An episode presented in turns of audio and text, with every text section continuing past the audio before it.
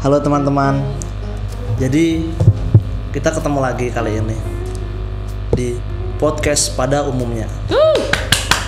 Intro nih harusnya, tapi kita belum ada intro. nah kali ini kita ditemenin sama Riris. Halo teman-teman, sahabat Yus. Nyebutnya apa nih? Nggak ada Oh, sahabat, nggak ada sahabat di antara kita sih. Oke, oke. Iya iya. Nah kali ini Oke, kita Mas. tuh eh, jadi akhir-akhir ini tuh ada buku yang menarik perhatian nih. Wow, apa sering tuh? nongkrong di depan ya depan kalau datang ke Gramet ini kayak sering ada di depan gitu Yes. punya di Orange orange biasa gitu ya. orange orange gitu gitu kan Hmm. nah buku apa itu sih buku oranye oranye itu Hmm. bukunya adalah ini dia bukunya Nah, oke. The Subtle Art of Not Giving Apa? oh ah, Eh, eh, tit gitu. oke jadi translate Indonesianya tuh sebuah seni bersikap bodoh amat amat. begitu ya Iya, Nah. benar sekali. sebenarnya gue belum baca sih buku ini Ya. jadi nah jadi apa yang gue lakukan ini seperti pengen membaca buku itu tapi tanpa harus membaca buku itu Oke.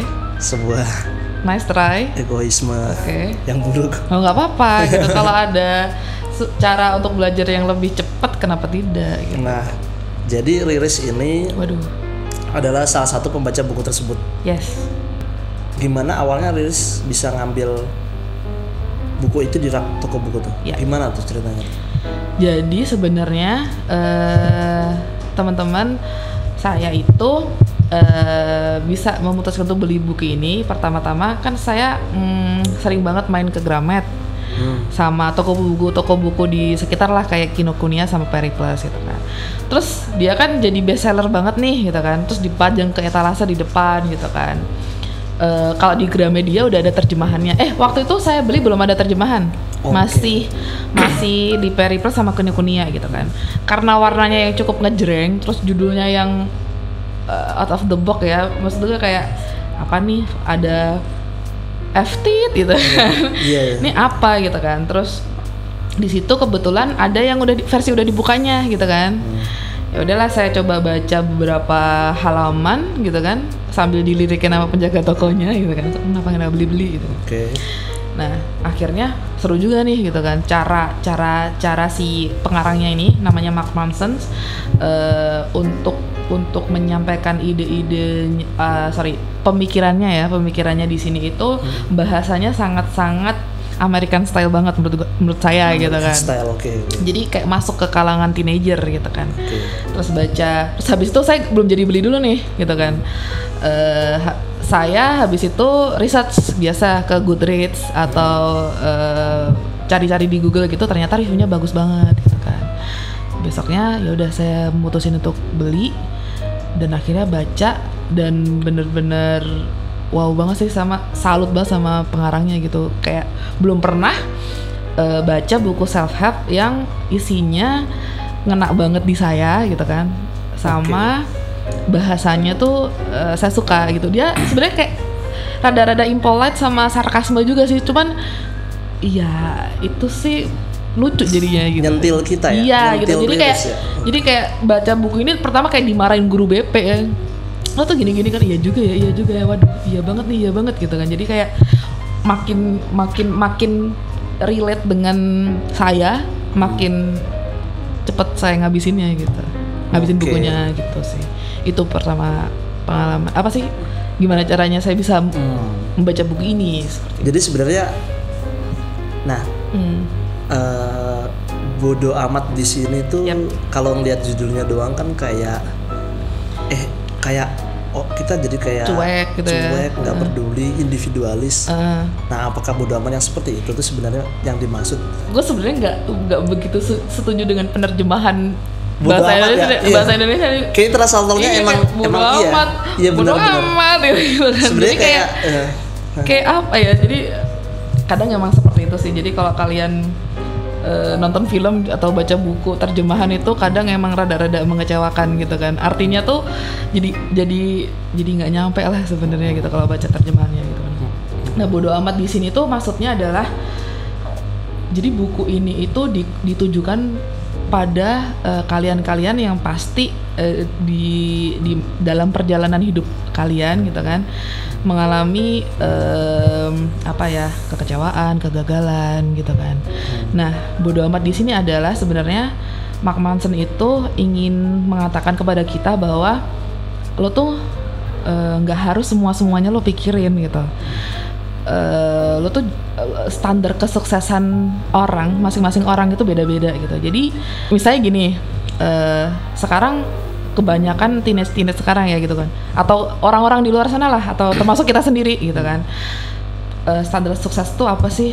Kayak misalnya Oke. punya rumah sendiri, Hmm. punya mobil sendiri, misalnya kalau hubungan hubungan personal misalnya punya istri, eh, Oke. punya anak-anak gitu-gitu kan Itu kayak standar yang standar-standarnya sekarang gitu kan atau Oh. kalau misalnya kita di sosial media gitu kan lebih ke kesuksesan orang tuh kalau hey I look better than you misalnya huh, my life is cooler than you atau uh, my face is uh, prettier than you gitu-gitu kan dan ng- ngomongin ngomongin standar tadi tuh gue kadang Hmm. berpikir itu kayaknya gue sedikit Uh, uh, merelate ke buku lain Benar, ya, merujuk benar. buku lain Mhm. itu kayak mitos bersama kayak kalau kata Yuval Noah Harari ya yes jadi kadang gue bingung sih itu standar kayak gitu netapin Ini. siapa sih yang Yap. netapin standar-standar kayak gitu di masyarakat tuh Hmm. kayak kenapa kita harus ngikutin standar gitu? Eh, next selanjutnya tadi.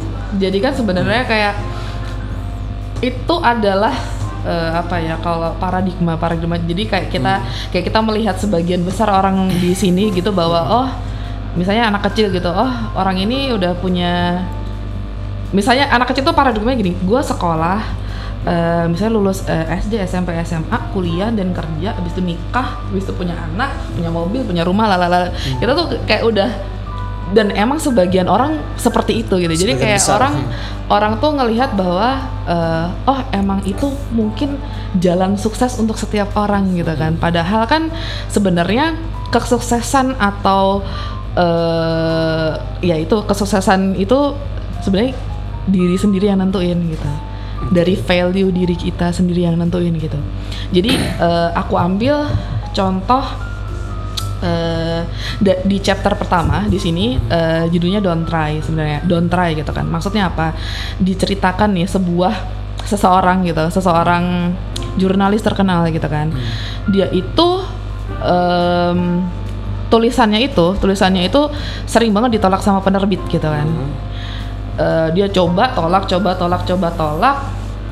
Eh, pokoknya dia eh, habis itu frustasi drug main drug main cewek main seks gitulah seks bebas dan lain sebagainya.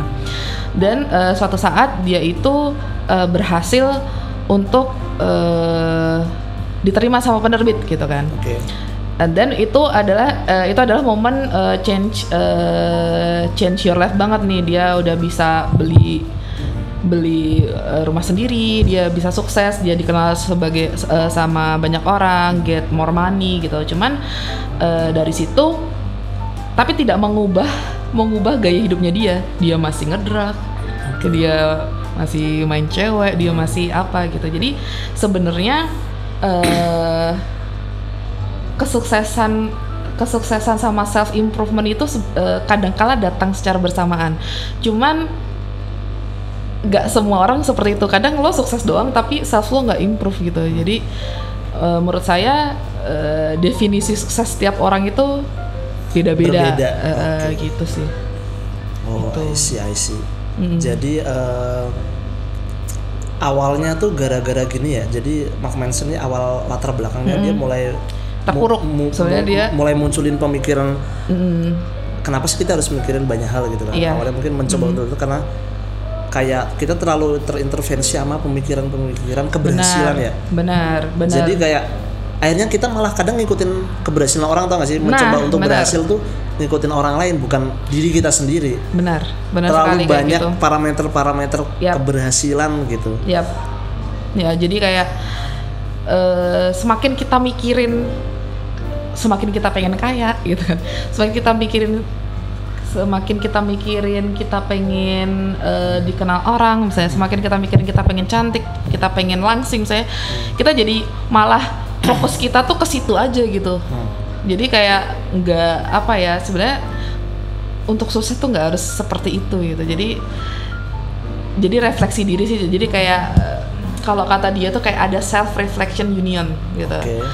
Em, untuk menentukan value diri kita itu tuh ada tiga cara gitu kan. Yang pertama itu harus tahu dulu kenapa kita merasakan sesuatu.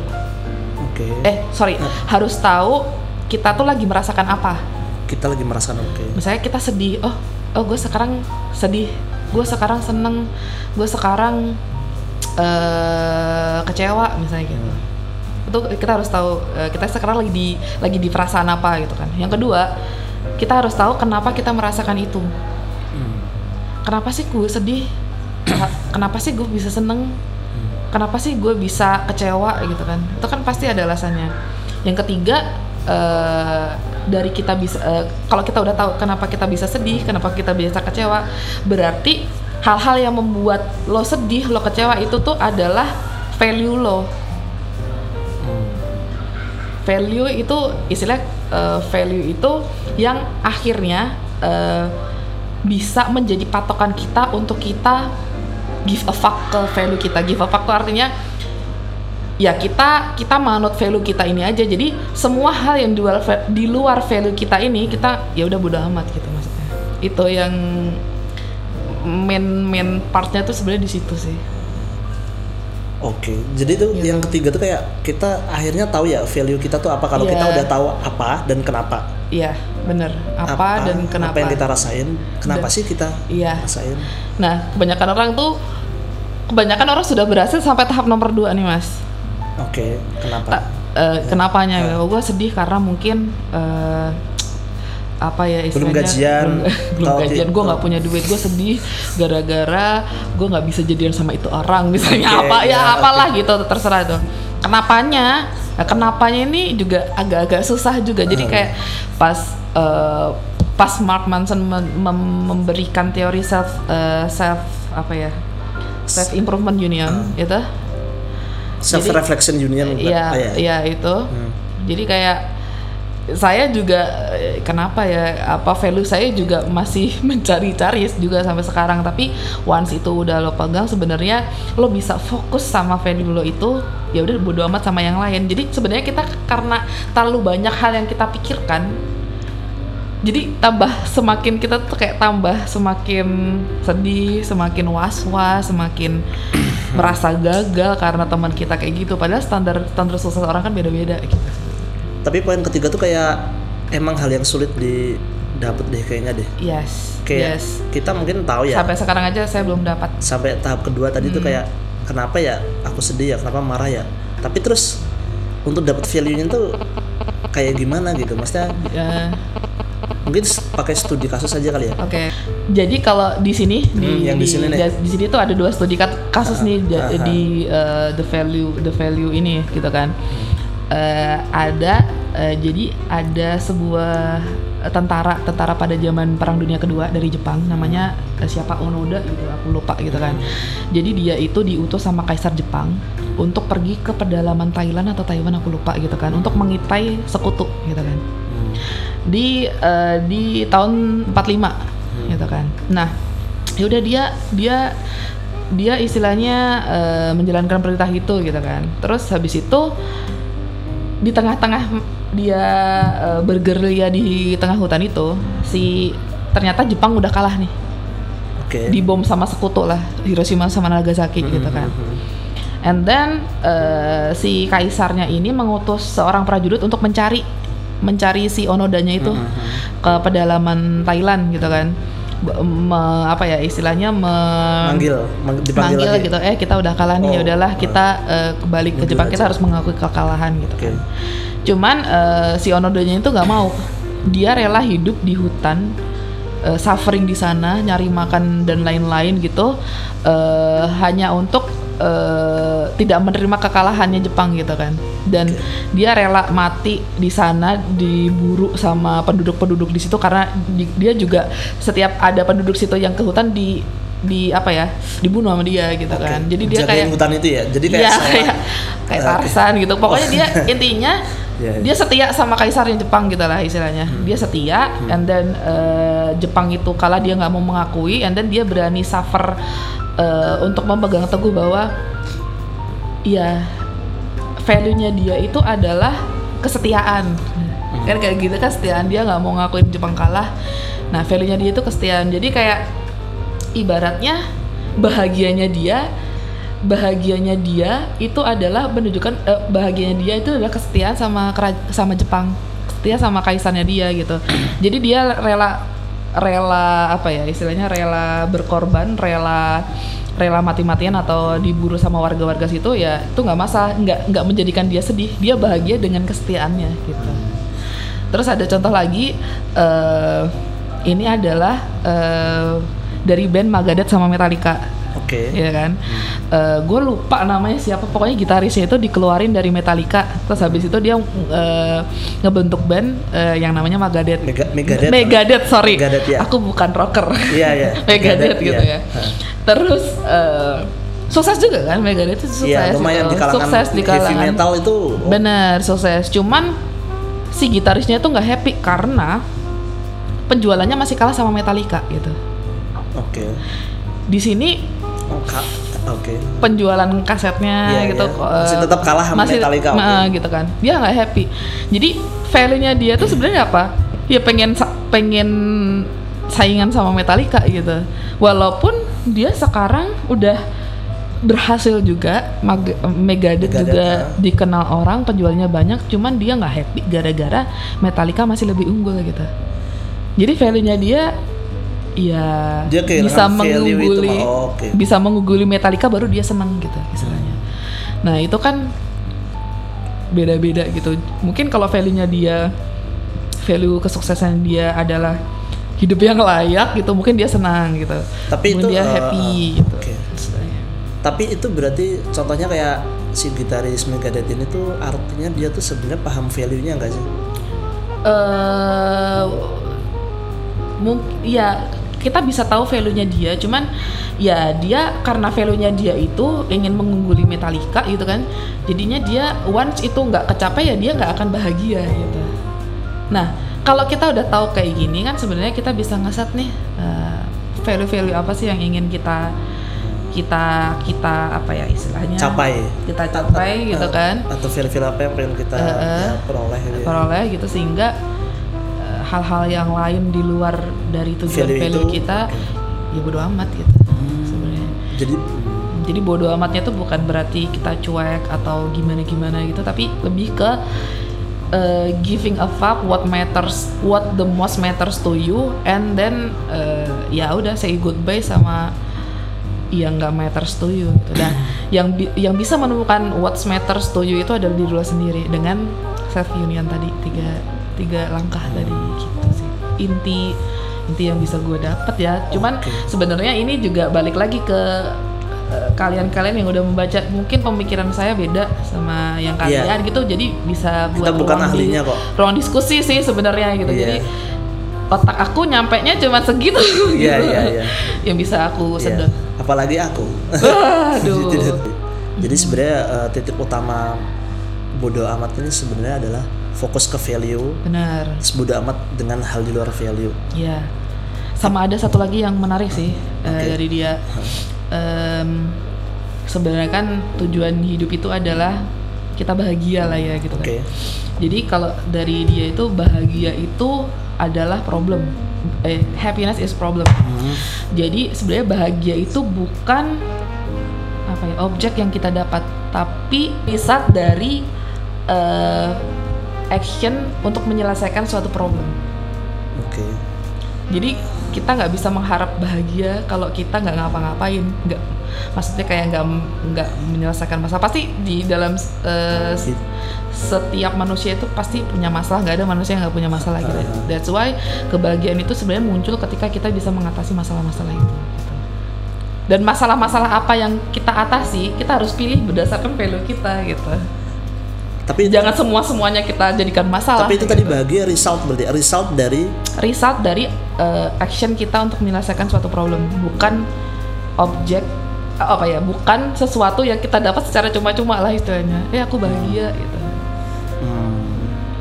Jadi sebenarnya bisa dibilang juga proses ya. Kayaknya soalnya Ya. kayak kalau kita mau kita misal punya tujuan nih, Mm. aku mau jadi arsitek gitu misal. Hmm, Terus misal gak punya duit nih buat kuliah mahal akhirnya nyari beasiswa masalah pertama muncul terus Yes, kita nyari beasiswa. Hmm. terus kemudian di sana SPP-nya mahal kalau nggak ada beasiswa juga nggak cukup masalah baru kemudian akhirnya kerja part time. Yes. sehingga akhirnya sampai bisa jadi sarjana kayak Yes. gitu bla, bla, nah tujuannya kan sebenarnya menjadi arsitek itu tuh sarjana Iya. arsitek tapi sebenarnya dalam proses itu dia udah meraih kebahagiaan-kebahagiaan tersendiri tiap menyelesaikan masalah ya Benar. Bahkan em, penyelesaian suatu masalah itu bisa menjadi problem untuk masalah berikutnya. Jadi gitu Kayak aja kan terus gitu kan. So, ya itulah dong. Ya? Menyelesaikan masalah tanpa masalah itu sebenarnya bullshit. Oh, oh, iya. itu masalah lagi tuh ya. menyelesaikan masalah untuk dapat masalah berikutnya Iya, benar itu. Jadi jadi justru kebahagiaan kita muncul dari masalah ya. ya dari dari masalah yang udah bisa berhasil kita Berhasil kita selesaikan. selesaiin. Ya. Jadi kalau misal udah selesai terus gak ada masalah lagi, malah kita nggak merasa bahagia ya. Iya. Eh, kayaknya Mark Manson mencoba ngasih paradigma kayak Yap. trouble is a friend ya. Ya. Jadi kita berkawan Happiness aja is dengan problem. masalah. Ya.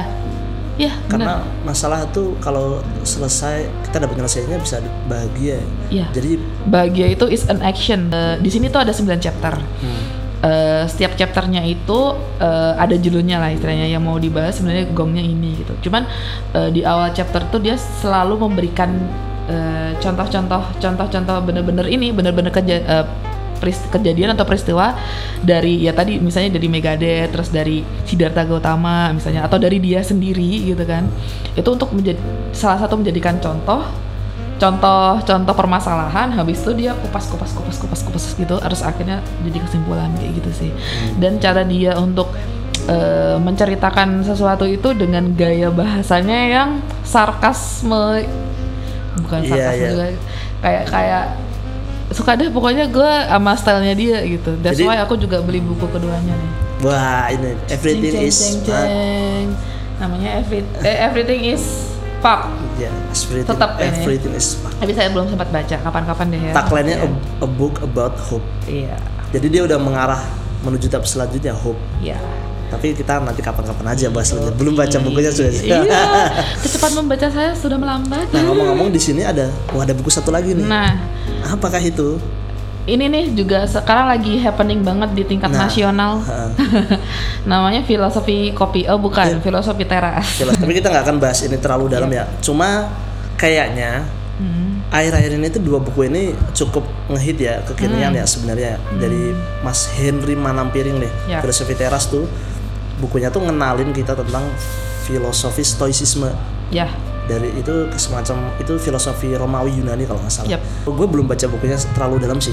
Cuma gue kalau ngelihat reviewnya sekilas dan memahami ajaran stoicisme ini sendiri, kok gue menemukan sedikit kemiripan dengan apa yang disampaikan sama Mark Manson ini ya. iya Sebenarnya, Ah. iya itu sebenarnya kayak intinya tuh kayak hal-hal kalau di stoicisme ya, Hmm. hal-hal eksternal itu kayak masalah-masalah kita nggak usah terlalu mikirin hal-hal yang eksternal yap dari diri kita. Mm. Kita fokus di hal-hal internal aja. yes Kalau salah satu contoh kasusnya nih, misalnya kita Mm.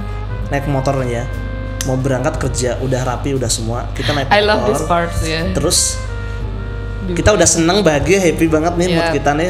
Kita mau naik motor juga udah nggak ngebut, santai, senang, senang. Terus tiba-tiba ada orang belok tanpa lampu sen di Yeah. depan kita, yap menyebabkan kecelakaan. yap Nah terus kecelakaan deh kita, Hmm. kita kesel banget nih, marah nih, amarah.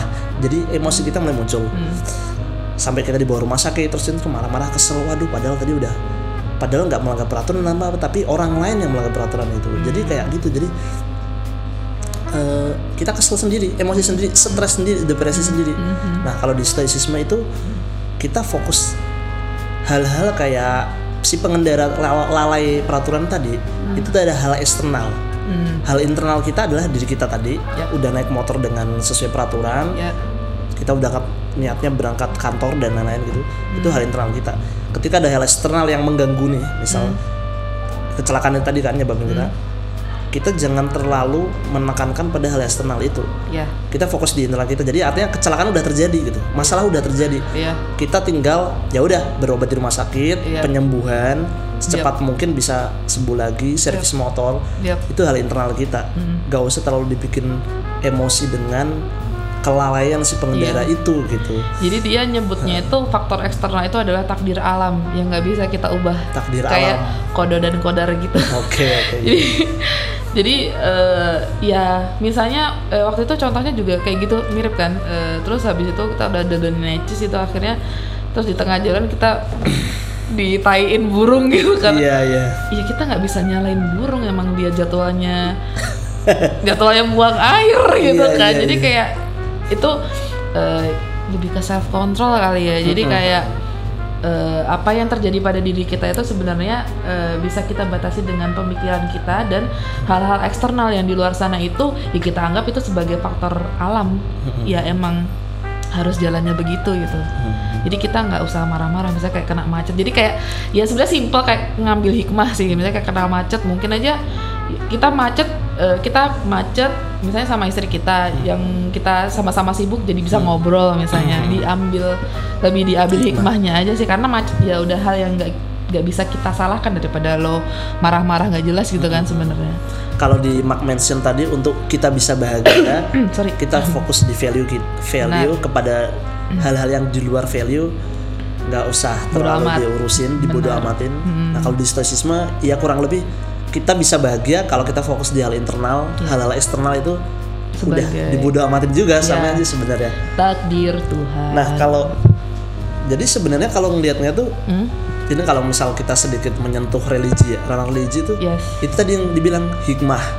Eh. Jadi terus kalau di ranah religi, kalau misal sebutnya di Islam itu ada namanya tawakal kan. yes Sebenarnya sebenarnya itu sebuah sifat yang eh sebuah fenomena yang sebenarnya mirip ya sama stoicisme juga Yes, mana- jadi- cuma mhm. cuma ada satu faktor lain. Hmm, Kalau di religius kita ke Tuhan.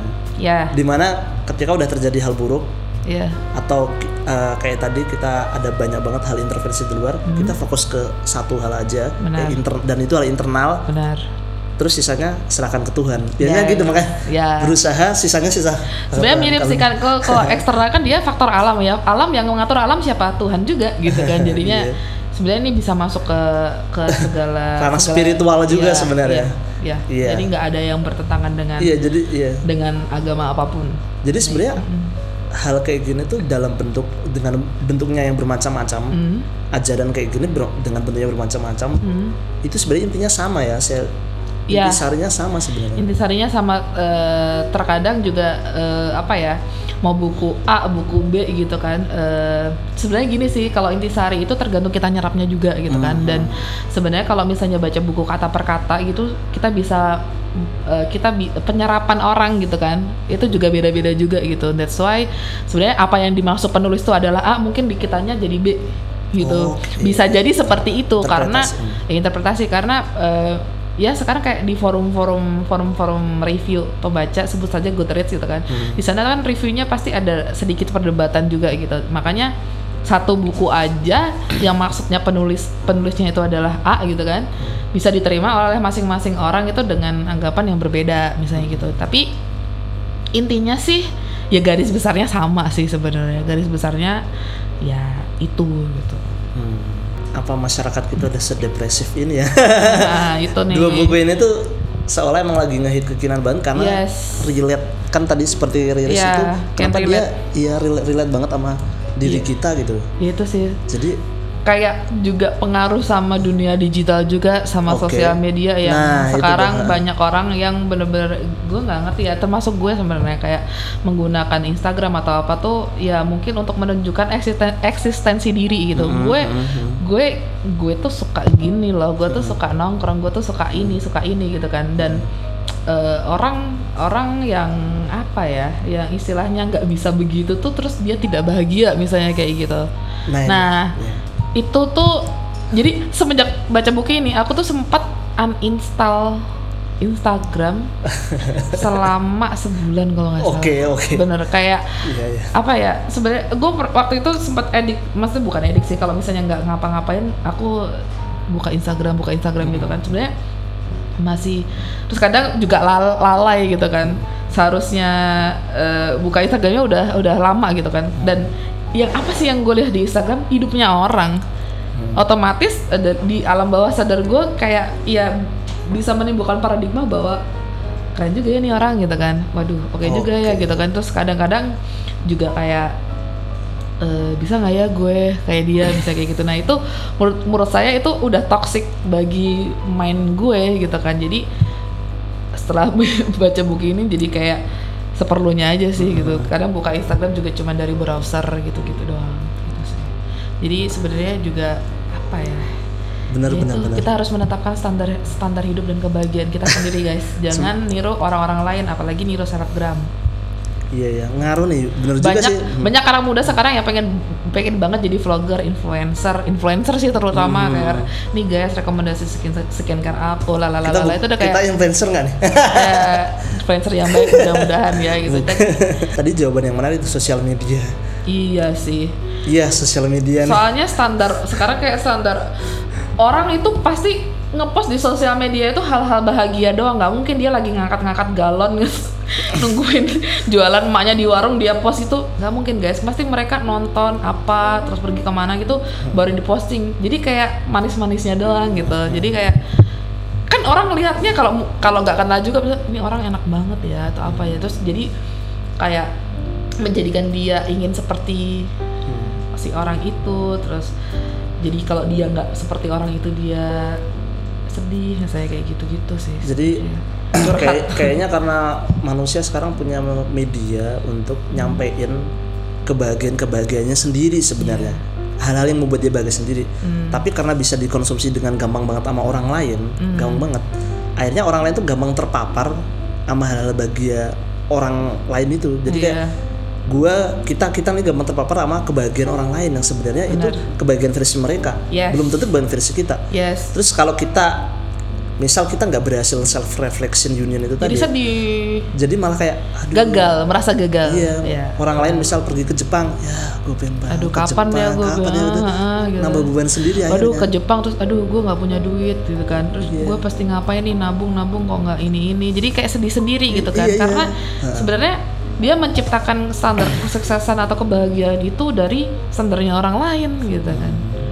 Itu sebenarnya di sini tuh dia mengajak bahwa lu penting ya mikirin kayak gitu gitu istilahnya emang bahagia lo itu dengan harus harus liburan ke Jepang misalnya kayak gitu. Please uh, correct your value misalnya. Value lo tuh apa ya? Tadi cara-caranya itu. Gitu sih. I see, I see. Kita jadi memahami Iya.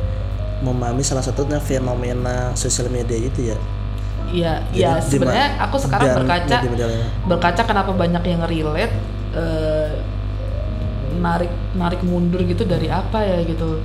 Ya tadi selain selain eh, standar hidup kita itu udah kedoktrin bahwa sukses tuh A B C D gitu. Sama ya itu sosial media itu sih sebenarnya itu. Sebenarnya orang yang saya orang yang belum punya rumah sendiri di umur sekian itu ju- bukan berarti gagal loh. Sebenarnya orang yang nggak lulus lulus kuliah di umur sekian itu juga bukan berarti gagal loh gitu. Jadi kayak yang nyiptain standar eh, lo lulus kuliah di umur sekian tuh siapa gitu. Mitos bersama. Iya. Mitos Mitos bersama bersama. gitu. Yang Ya, ya, nyiptain ya. standar lo harus nikah di usia gini tuh siapa gitu Iya, kan iya. nggak nggak ada nggak ada apa patokannya gitu. Itu cuman hal awam aja gitu sih sebenarnya. Iya, iya. Intinya kita standar kebahagiaan kita adalah kita sendiri yang Yang menentukan, yang bisa menentukan. Oke, oke. Menarik, menarik. Guys, Oke. Kayaknya kita udah tiba di penghujung waktu deh. asik. Kurang lebih ya teman-teman bisa interpretasikan sendiri ya. Ya. Tapi kalau ada pemikiran yang lain boleh juga Boleh. disampaikan. Kalau misalnya mau gitu. disampaikan di komen Ah, di video ini asik. boleh komen juga. ya guys, lo Iya, iya, iya. Oke, oke. subscribe lo enggak ya? Ya, subscribe Gitu. mah pilihan hati aja lah. Bintangnya kakak. Pen- yang penting sih intinya Ya. menarik sih bedah buku ini akhirnya kita dapat sebuah pemahaman eh, untuk memahami diri kurang lebih emang memahami diri di eras sebenarnya ini lintas era sih ya ya, tapi kapan pun. tapi Everlasting. terserah teman-teman dalam gen- generasi yang mana sebenarnya hal ini emang penting buat kita sih Yap. di mana em, kita tuh bisa bahagia dengan cara yang sederhana sebenarnya nggak Iya. usah dengan hal yang muluk-muluk Warung Padang ya? Oh ya. Iya, Sederhana. dengan makan warung Padang habis gajian itu, aduh gue habis gajian banget material. material Pokoknya banget. bahagia itu diri sendiri yang ciptain lah ya Iya, gitu. diri Jangan jangan ngelirik-lirik standar orang. Yap, yap. Kalau begitu, thank you ya Riris Siap, atas Yus. kedatangannya hari Iya. ini sangat bermanfaat banget. Waduh. Semoga sih tercerahkan ya teman-teman ya. Yes. Oke, makasih teman-teman. Dadah. Sampai jumpa. Assalamualaikum. Waalaikumsalam. Gue sendiri jawab.